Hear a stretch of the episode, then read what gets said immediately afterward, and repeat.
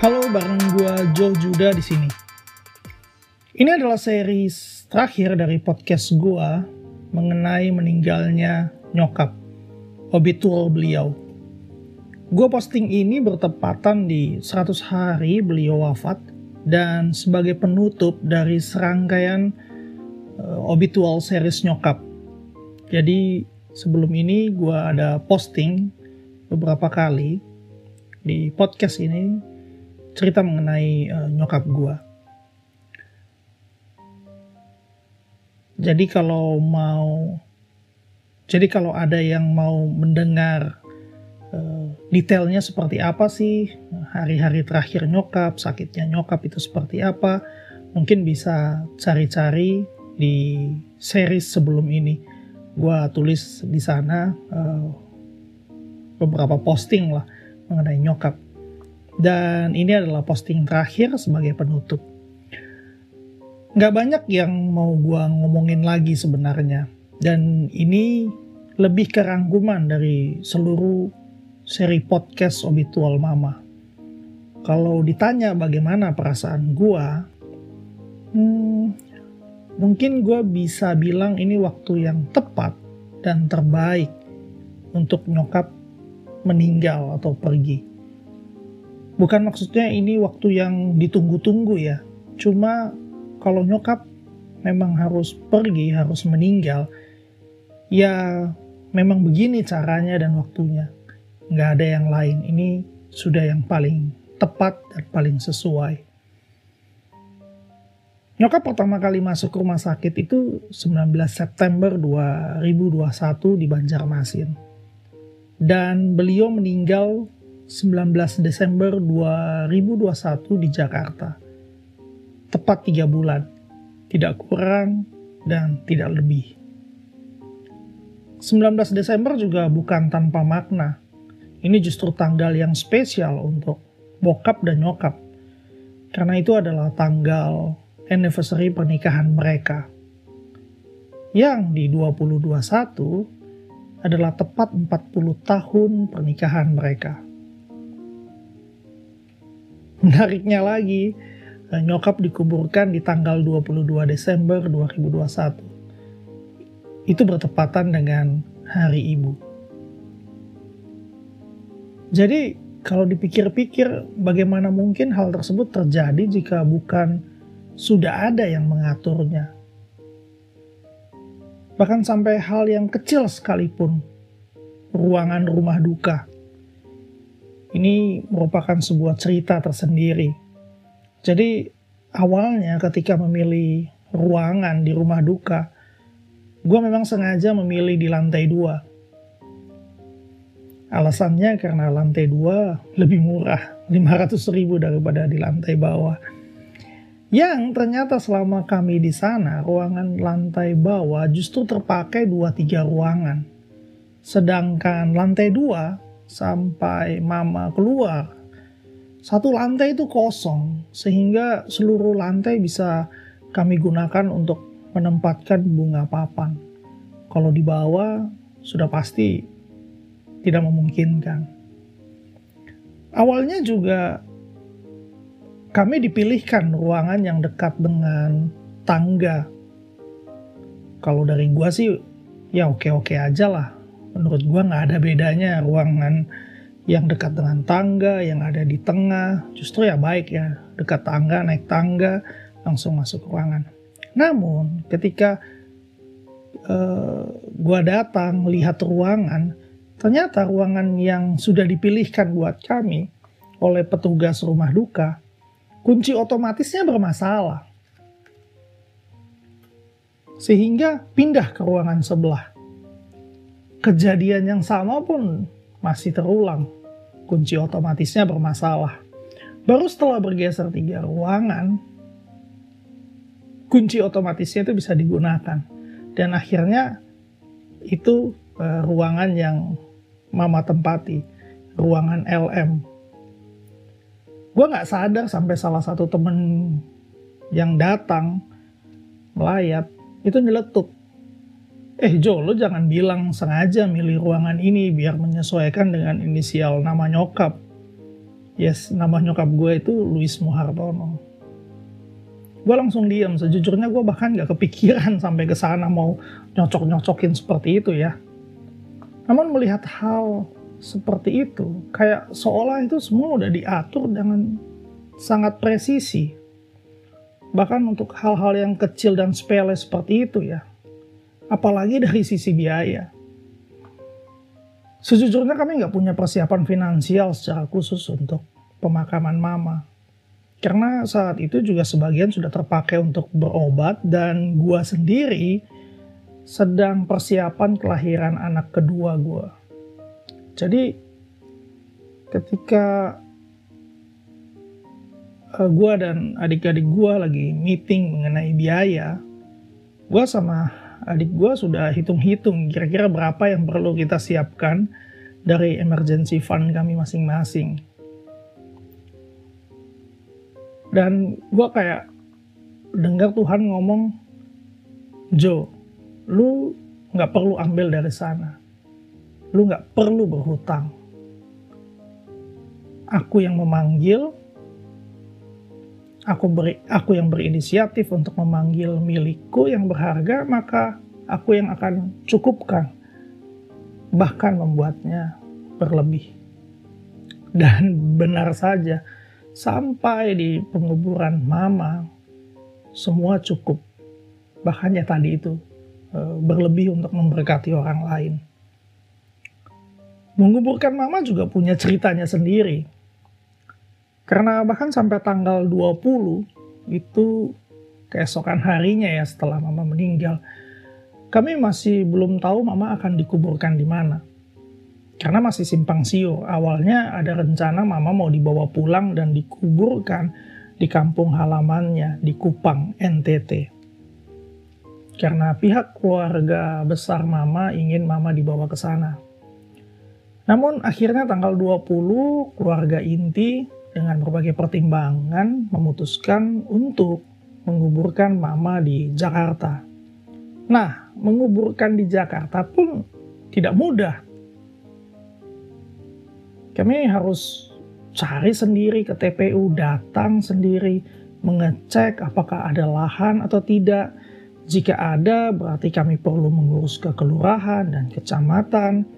Dan informasinya saat itu TPU di Jakarta sudah penuh, yang mungkin ada hanya di TPU Tanah Kusir, di ujung selatan Jakarta. Namun di tanggal 20 kami dapat info dari salah satu kerabat, dari salah satu sahabat yang baru juga mengalami kedukaan, orang tuanya meninggal, kalau di TPU Menteng Pulo ada slot kosong Nah mungkin buat teman-teman yang nggak tahu TPU Menteng Pulo ini ada di mana sih? Ini berada tepat di belakang Mall Kokas, kota Kasablanka. Berada di tengah-tengah Jakarta. Singkat cerita, kami akhirnya dapat lahan di sana. Itu bahkan ketika teman-teman dari uh, papa dan mama, ketika tahu kami dapat uh, tempat kubur di sana, itu yang keheranan. Kok masih bisa ya dapat tempat di sana? Kayaknya itu udah bertahun-tahun penuh. Paling mungkin ada spot di sana. Satu-satunya kemungkinan kalau ada yang pindah. Iya benar, ternyata nggak cuma manusia yang hidup aja yang bisa pindah, jenazah juga ternyata bisa pindah. Jadi ketika yang keluarga memutuskan untuk membawa kerabat atau orang tuanya dikuburkan di kota atau uh, kampung halamannya atau mungkin yang uh, ketika keluarga besarnya semua uh, berpindah agama memeluk agama lain dia akan angkat uh, jenazah dari sana terus akan dikuburkan uh, sesuai dengan kepercayaan yang baru. Nah, itu kan kecil banget ya kemungkinannya untuk terjadi. Karena kalaupun ada kan yang antri banyak. Dan kemungkinan yang paling kecil itu yang terjadi kepada kami, kepada mama. Jadi di sini gue sendiri lihat campur tangan Tuhan itu benar-benar terasa banget di sini. baik melalui hal-hal yang gak masuk akal, uh, sampai pada pertolongan melalui teman dan sahabat-sahabat kami. Bahkan keluarga ya, atau khususnya gua ya, sangat diberkati dengan para pastor dari FGF yang yang melayani kami tempat uh, gereja lokal kami kami berbakti dan beribadah.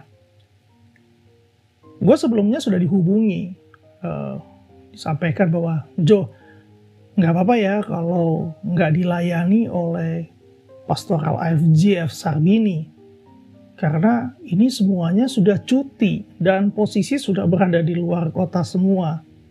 Yang namanya juga akhir tahun ya. Pada liburan akhir tahun lah. Dan gue sangat-sangat memahami memaklumi hal tersebut. Apalagi gue bukan tipe yang milih-milih harus dilayani oleh pendeta senior atau dengan spek tertentu atau yang harus terkenal. Gue sama sekali nggak seperti itu jadi gue ya udah oke-oke aja. Nah namun yang gue lihat dan gue hmm, tersentuh ya, di mana para pastor ini yang merupakan sahabat-sahabat juga itu dengan dengan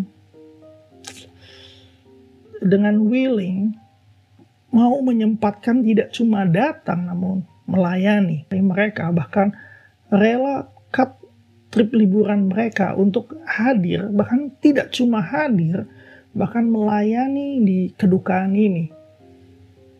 Gue sangat-sangat diberkati. Bahkan eh, saat ini gue berkaca-kaca kalau mengingat hal tersebut. Thank you banget. Mereka hadir sebagai sahabat-sahabat di kala duka. Dan sedikit spesialnya lagi ketika pelayanan duka gereja hanya dibatasi dua kali ibadah saja selama pandemi kemarin gue bisa dapat tiga kali ibadah. Tapi uh, tolong ini off the record ya, uh, dirahasiakan untuk menghindari kecemburuan sosial dengan uh, jemaat yang lain. Pertama, terima kasih untuk Pastor Benyamin. Pastor Ben memang bukan pastor AFGF Sarbini, namun yang berkesan karena Pastor Ben adalah sahabat dari papa dan mama. Mereka sudah berteman sebelum Pastor Ben menjadi pastor, jadi ini sesuatu yang personal bagi Papa, Mama, dan Pastor Ben. Yang kedua adalah Kocin, Pastor Herman Sugeng. Terima kasih Pastor sudah cut the trip dari Labuan Bajo, dari berburu foto burung di Bali untuk datang, menyempatkan untuk datang, menghibur dan melayani kami di malam kembang, malam penutupan peti mama. Bahkan message-nya pun sangat memberkati, sangat-sangat memberkati gue. Sayang gue nggak rekam, nggak backup dalam bentuk video. Namun uh, gue catat uh, di, di notes gue. Diambil dari Wahyu 14 ayat 13, gue mungkin akan uh, bacakan. Dan aku mendengar suara dari surga berkata, tuliskan, berbahagialah orang-orang yang mati dalam Tuhan sejak sekarang ini Sungguh, kata roh, supaya mereka boleh beristirahat dari jerih lelah mereka, karena segala perbuatan mereka menyertai mereka. Kadang ketika kematian datang, semua yang kita lakukan itu untuk menghibur diri, untuk membuat diri kita menjadi lebih nyaman, kita lupa bahwa orang yang pergi ini justru yang paling berbahagia. Karena pada akhirnya ia bisa beristirahat dari segala seluruh jerih lelah mereka. Menyadarkan gua lagi betapa beruntungnya kematian orang benar. Kadang kematian yang kita pikirkan adalah kesedihan bagi yang ditinggal, kita lupa bahwa ada kebahagiaan bagi orang yang pergi. Mixed feeling memang. Namun itu yang bisa gue lihat bahwa ketika mama pergi, mama sudah lepas dari segala penderitaan dan ia boleh mendapat tempat untuk beristirahat. Berikutnya thank you banget juga buat sahabat partner ngopi dan Bible study paling seru, Pastor Andi Halim. Ini orang dapat kabar duka dari gua ketika dia baru sampai di tempat berliburnya. Dan langsung balik tanggal 21 buat mengejar tutup peti dan pelayanan penguburan keesokan harinya. Ini thank you banget bro. Uh, satu ceritanya yang berkesan adalah ketika Andi dan Steny ngobrol dengan nyokap sewaktu di rumah sakit kelahiran anak pertama gue Jonah. Dan gue baru tahu juga cerita ini, obrolan mereka ini ketika ketika penguburan nyokap kemarin. Jadi waktu itu Steny nanya ke nyokap, gimana rasanya ngurus lima orang anak? Soalnya waktu itu Andi sama Steny punya tiga orang anak laki-laki Sedangkan nyokap gue punya empat orang anak laki-laki dan satu orang anak cewek. Gue lupa nyokap gue jawab apa ke mereka. Namun yang gue ingat nyokap jawab begini. Nggak apa-apa baik, tapi yang penting kamu harus punya anak cewek satu. Karena anak cewek itu yang akan mengurus orang tuanya kelak. Dan ini juga gue sudah uh, sempat singgung di podcast gue sebelumnya mengenai anak cewek. Pentingnya kenapa punya anak cewek? Karena berkaca pada diri gue sendiri aja. Bagaimana di waktu-waktu terakhir nyokap dikompar dengan adik gue yang cewek. Yang walaupun dia misu-misu, kesel-kesel. Dia yang ada hampir satu kali 24 jam selama nyokap sakit. Sedangkan anak laki-lakinya yang lain entah meeting lah, entah uh, penuh kesibukan yang lain. Cuma anak cewek aja yang ada. Nah, sewaktu nyokap ngomong demikian itu ternyata Penny sedang hamil anak cewek namanya Joylin sama seperti anak kedua gue dan mereka berdua sebenarnya belum tahu kalau Steny sedang hamil. Dan itu cerita yang personal menurut gue, thank you banget Andi dan Steny sudah sharing mengenai cerita tersebut di pemakaman nyokap. Itu diceritakan ulang dalam dalam ibadah uh, penguburan mama di 22 Desember. Melihat serangkaian kejadian-kejadian dan bagaimana mama uh, pergi, bagaimana Tuhan campur tangan untuk semuanya itu. Melihat bahwa pemeliharaan Tuhan begitu luar biasa apalagi buat orang-orang yang benar.